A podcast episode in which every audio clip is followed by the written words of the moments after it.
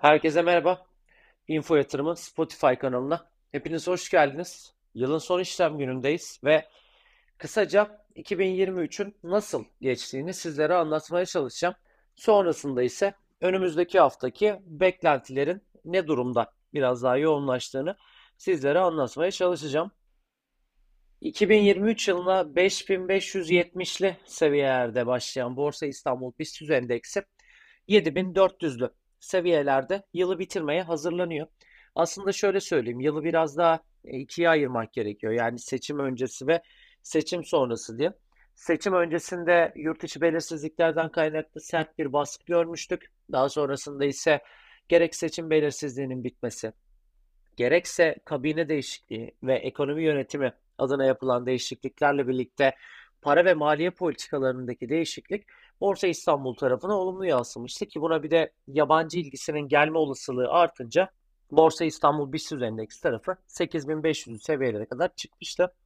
Yılın son çeyreğinde ise İsrail ile Hamas arasında çıkan sıcak çatışma ve TL mevduatlardaki yukarı yönlü seyir Borsa İstanbul tarafından para çıkışlarına sebebiyet vermişti diye düşünüyoruz. Ee, biraz daha olumlu fiyatlamalar ve olumsuz fiyatlamalar olarak e, konuşalım. Yani olumlu fiyatlamalar risksiz getirilerin enflasyon karşısında yetersiz kalması, seçim belirsizliğinin bitmesi, kabine değişikliği, ekonomi yönetimi ve buna bağlı Türkiye Cumhuriyet Merkez Bankası Başkanı ve üye değişiklikleri, para ve maliye politikalarının rasyoneliteye göre hareket etmesi, yabancı kredi derecelendirme kuruluşlarının, yabancı kuruluşların Türkiye'ye ilişkin olumlu raporları diyebiliriz.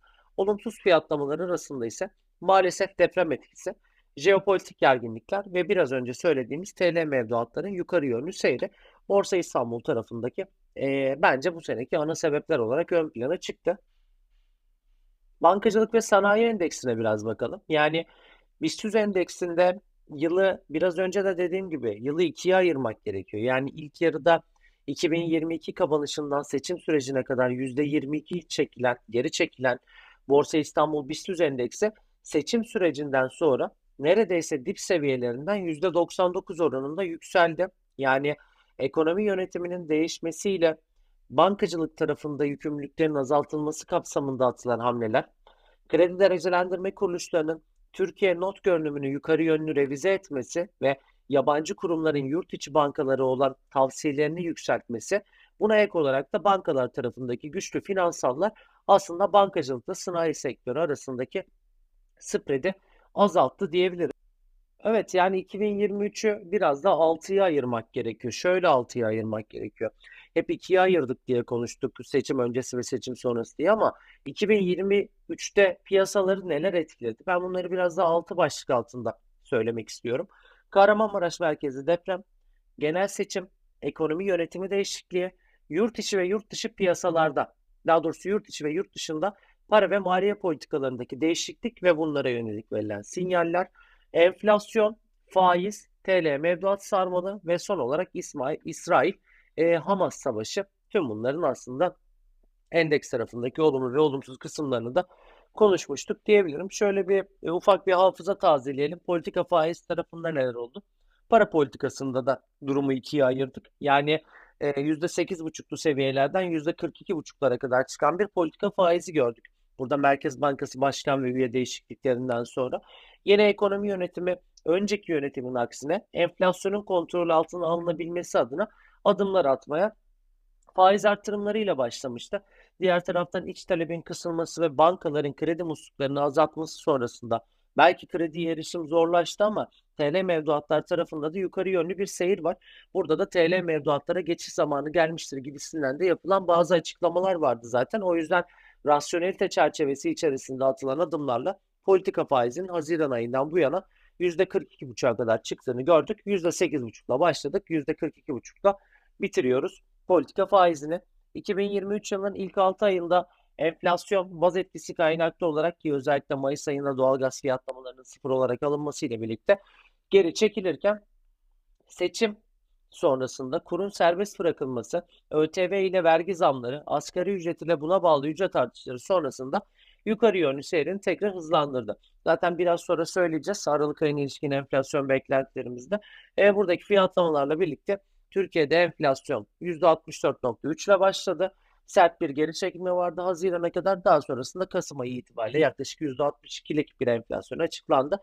Ee, Aralık ayında da kuvvetle muhtemel %65'e yakın bir enflasyonla yılı tamamlayacağız gibi gözüküyor. Yani bu sene biraz daha zor geçen bir seneydi.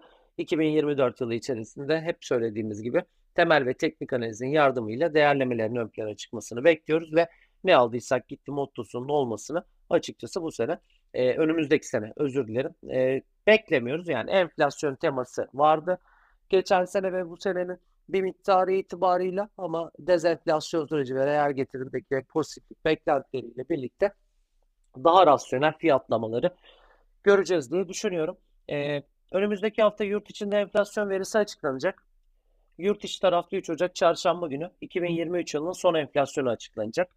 Konsensus beklentiler enflasyonun Aralık ayında aylık bazda %3, yıllık bazda %64.9 artış yönünde. Bizim beklentimiz ise aylık bazda %3.5 artış, yıllık bazda da enflasyon kapatısının yaklaşık %65.5 olacağı yönünde. Geçmiş enflasyonist etkiler zayıflamasına ve tüfenin aylık artış hızının yavaşlama eğiliminde olmasına rağmen jeopolitik gerginliklerin etkisiyle döviz kurlarındaki yükseliş, kira zam artışları ve doğal gaz tüketiminin Aralık ayında da artması enflasyonun yukarı yönlü gidişatını e, sürdürmesini beklentilerimiz arasına soktu. Yıllık bazda gelecek enflasyon gerek OVP beklentilerine gerekse de enflasyon beklentilerine e, yani TCMB enflasyon beklentilerine paralel olmasını bekliyoruz. Ayrıca bu hafta içerisinde merakla beklenen asgari ücret zammı da açıklandı bilindiği üzere. Asgari ücrete %49 zam yapıldı. Daha önce Türkiye Cumhuriyet Merkez Bankası'nın yaptığı bir çalışmaya göre asgari ücretteki her %10'luk artışın manşet enflasyonu 6 ay içerisinde yüksek oranda geçti ve bu geçişkenliğin ortalama e, 0.7 puan olduğu açıklanmıştı. Buna göre de e, asgari ücret zammının manşet enflasyona yaklaşık 3,5 puanlık bir e, etki yapmasını bekliyoruz diyebilirim. 1 Ocak'ta piyasalar kapalı olacak yurt içi ve yurt dışı piyasalar. Salı günü start vereceğiz. Türkiye'de imalat PMI verileri açıklanacak. Çarşamba biraz önce de söylediğim gibi enflasyon verileri. Amerika Birleşik Devletleri tarafında da e, tarım dışı istihdam verisi açıklanacak. Amerika'da enflasyonun soğuma eğilimi algısı beklenti altında gelebilecek bir istihdam verisiyle devam edebilir diye e, düşünüyorum. E, yeni yılınız kutlu olsun. 2024 yılının sağlık, mutluluk ve başarı dolu bir yıl e, olmasını dilerim. Hepinize sağlıklı günler, bol kazançlar, iyi seneler.